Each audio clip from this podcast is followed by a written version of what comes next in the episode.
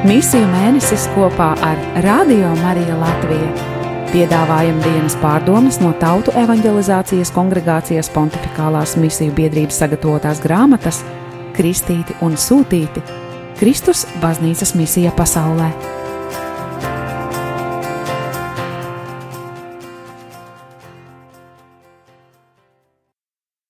22. oktobris, otrdiena, parastā liturģiskā laika 29. nedēļa. Svētā Jāņa Pāvila otrā piemiņas diena. Svēto rakstu fragmenti. Pāvila vēstule romiešiem, 5. nodaļa, 12. un 15. pāns, 17. līdz 19. pāns, 20. līdz 21. pāns. Psalmi 40. psalms, 7. līdz 10. un 17. pāns. Lūkas evanģēlijas 12. nodaļa 35. līdz 38. pāns.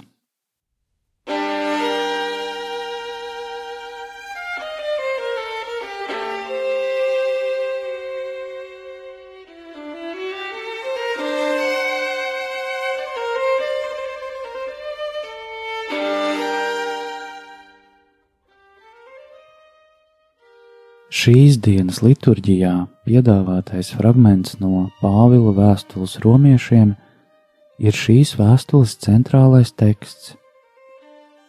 Aiz apgalvojuma, ka cilvēkam jātiek atpestītam, slēpjas pārliecība, ka pārkāpums kaitē mūsu attiecībām ar Dievu. Nodemonstrējot, ņemot palīgā pieredzi un rakstus, ka cilvēces pestīšana nāk no Dieva caur ticību Jēzum Kristum, nevis no apgaizīšanas, apustulis sāk nodarboties ar mūsu kristīgo pieredzi.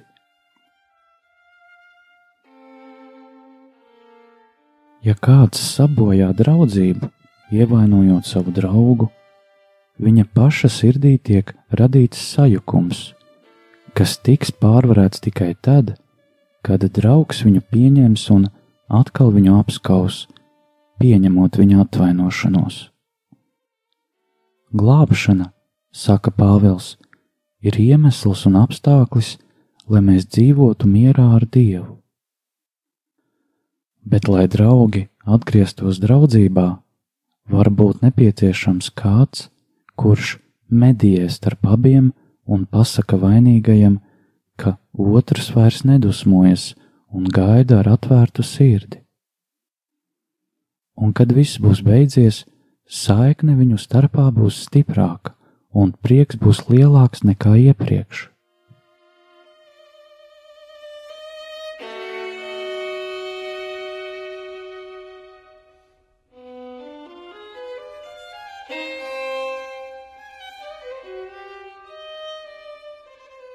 Tagad Pāvils turpina, zinot, ka starpniekam Jēzum bija jāpiedzīvo daudz pazemojumu un ciešanu, lai mani atrastu un pārliecinātu uzticēties tēva labestībai, kura mīlestību es nicināju. Mana sirds ir dziļi pateicīga un gatava sadarboties ar prieku kopā ar viņu samierināšanas darbā, piedaloties viņa upuros, lai vēsti nodotu citiem.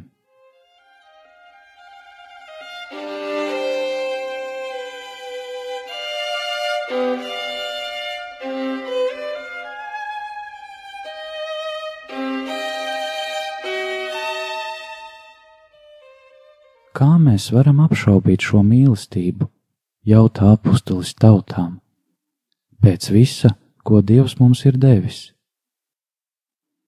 Jēzus nāves vēsturiskajam notikumam ir teoloģiska ciešanu aizstāšanas nozīme. Viņš nomira par mums, mūsu un visu vietā, par mums, kas bija novērsušies no Dieva. Citiem vārdiem sakot, tas, kurš saņēma misiju būt par mediātoru, kļūst par labu draugu, uzņemdamies visu ļaunumu, pie kura mēs bijām vainīgi, kad bijām vieni un maldījāmies. Šī ar neko nesalīdzināmā dievišķās mīlestības demonstrācija priekš mums mirdzēs vēsturē mūžīgi, izgaismojot tautu ceļu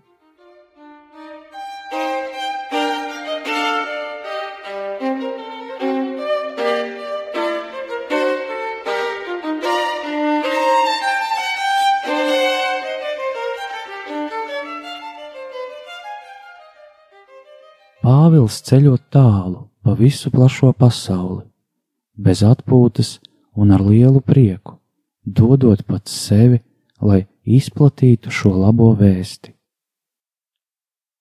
Jēzus neupurēja sevi tāpēc, ka mēs bijām jūdi vai grieķi, vergi vai brīvie, izglītoti vai neizglītoti, bagāti vai nabagi, vīrieši vai sievietes, bet vienkārši tāpēc, ka mēs bijām grēcinieki, kuriem vajadzīga piedošana. Un viņa dāvana tika izsniegta bez mūsu nopelniem. Dievs nevēlas sodīt, bet gan bez mēra dot savu cildeno žēlastību.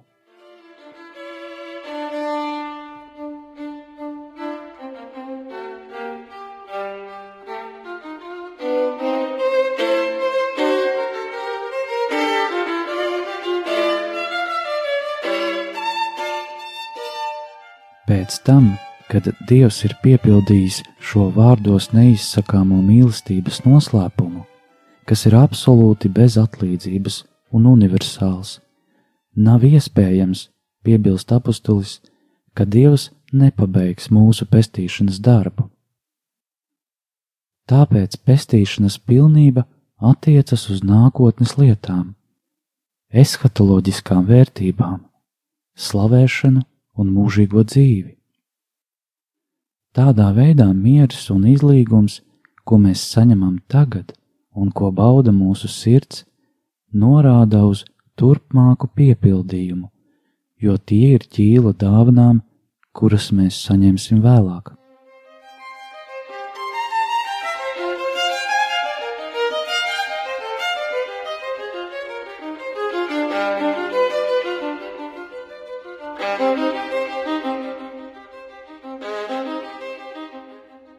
Lai parādītu šīs atbrīvošanas trīskāršo raksturu. Tas ir no grēka, bauslības un nāves. Pāvils apraksta cilvēka situāciju pirms un pēc Kristus, parādot Ādama nepaklausības sekas. Tā tēlu, kuram bija jānāk, paklausības sekas Kristum, jauno Ādamu.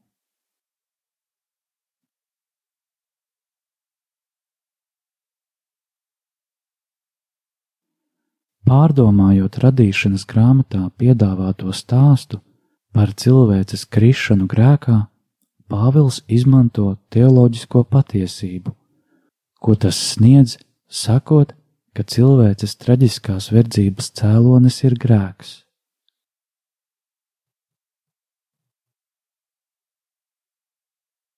Radīšanas grāmatas etioloģiskais raksturs norāda uz grēku kā cilvēces vispārējo ciešanu, sāpes, ciešanas, nesaskaņas, vardarbība un nāve cēloni. Ādama nepaklausība gan individuāli, gan kolektīvi. Te jāskatās radīšanas grāmatas pirmās nodaļas 27. pantā, ir ienesusi pasaulē aktīvu un postošu spēku.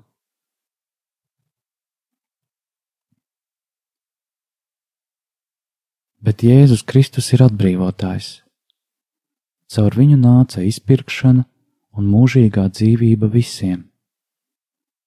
Jēzus ir otrais Ādams, pretstats pirmajam. Pirmajam cilvēkam nebija ticības savam radītājam, viņš nepaklausīja un pārāva draudzību ar viņu.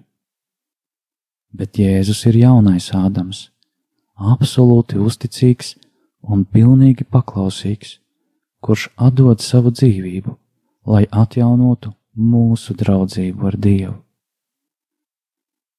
Šī antitēze uzsver Jēzus sniegtā labuma neizmērojamo pārākumu pretstatā Ādama nodarītajam postam. Jo viena cilvēka pārkāpumu dēļ daudzi ir miruši, bet cik gan vairāk dieva žēlastība un viena cilvēka, Jēzus Kristus dāvana, žēlastībā pār pārējiem ir nākusi pār daudziem. Citāts no Pāvila vēstules romiešiem 5. nodaļas 15. panta.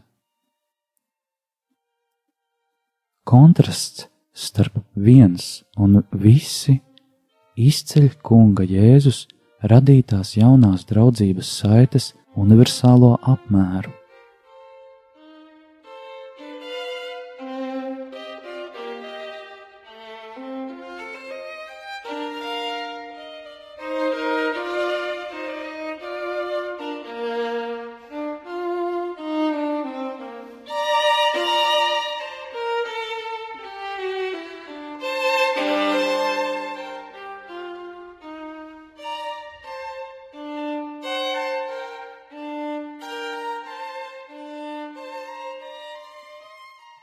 Evanģēlija lasījuma galvenā tēma ir kunga otrā atnākšana godībā, lai tiesātu dzīvos un mirušos, kā mēs apliecinām ticības apliecinājumā. Un atkal godībā atnāks tiesāt dzīvos un mirušos. Periods, kas ticīgos atdala no šīs neizbēgamās satikšanās, ir aktīvu gaidu laiks. Vissvarīgākā evaņģēlīja fragmenta doma ir par kunga prompūtni, kurš pēc tam, kad ir uzticējis, lai viņa mantojums tiktu kultivēts un liederīgi izmantots, atkāpjas, atstājot sevi atvērtu turpinājumam. Piedāvājot to kā dieva darbības veidu, Jēzus ietver arī cilvēcei dotās brīvības noslēpumu. Mēs varam izvēlēties, kā pārvaldīt dzīvības dāvanu bez fiziska spiediena, bez manipulatīvas klātbūtnes sajūtas.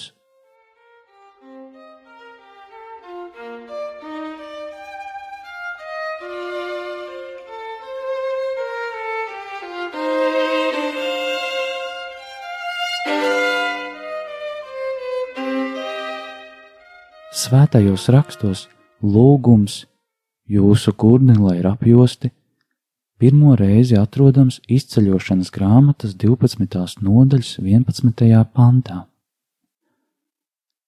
Konteksts ir sagatavošanās paskas mīlestam pirms nāves eņģeļa atnākšanas un iziešanas no verdzības zemes. Pēc tam frāze kļuva par vispār pieņemtu formulu, lai norādītu uz aicinājumu kalpošanai, sekojot Jēzus piemēram.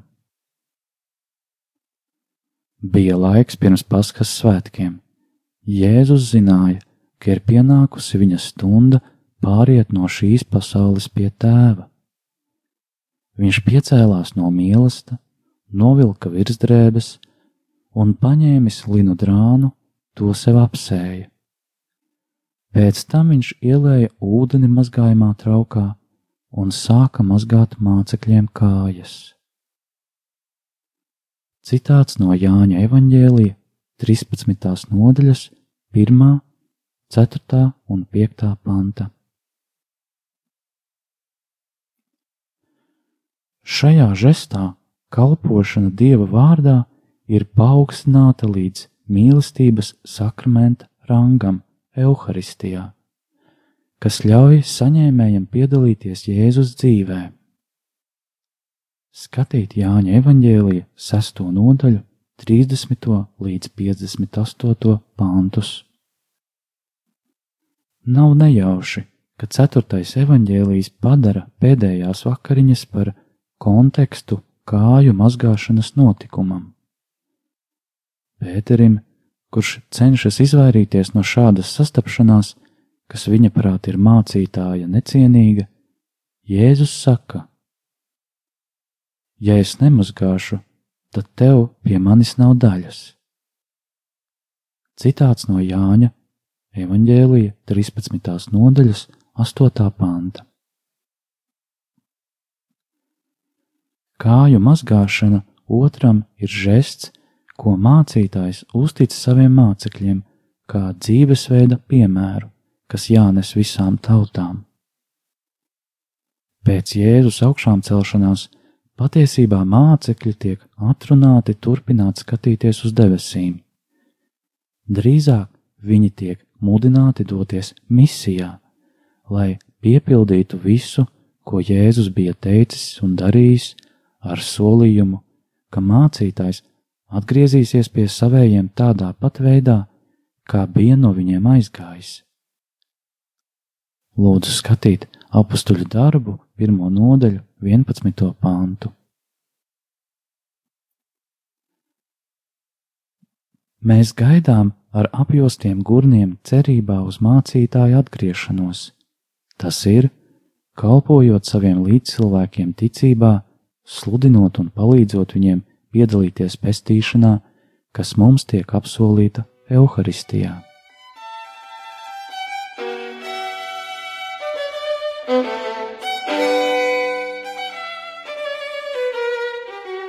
Metafora par lampām, kas turpina degt, lūdzu skatīt izceļošanas grāmatas 27. nodaļu, 20. pantu un Levītu grāmatas 24. nodaļas 2. pāntu. Gaidīšanu kvalificē kā rūpīgas uzmanības laiku.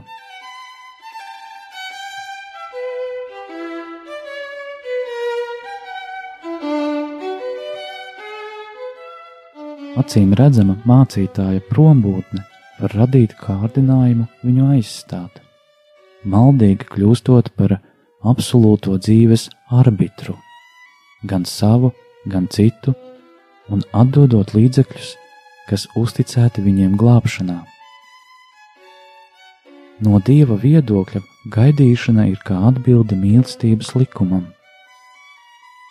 Mums, kas dzīvojam, ilgs gaidīšanas periods tikai palielina mūsu vēlmi tikties ar Dievu aci pret aci. Mums jābūt izturīgiem, lai uzņemtos nastu turēt beztermiņa solījumu.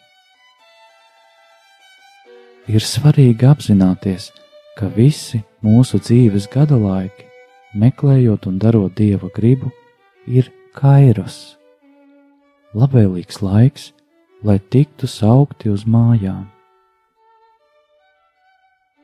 Mūsu gatavība šim brīdim padarīs mūsu dzīves veiksmīgas.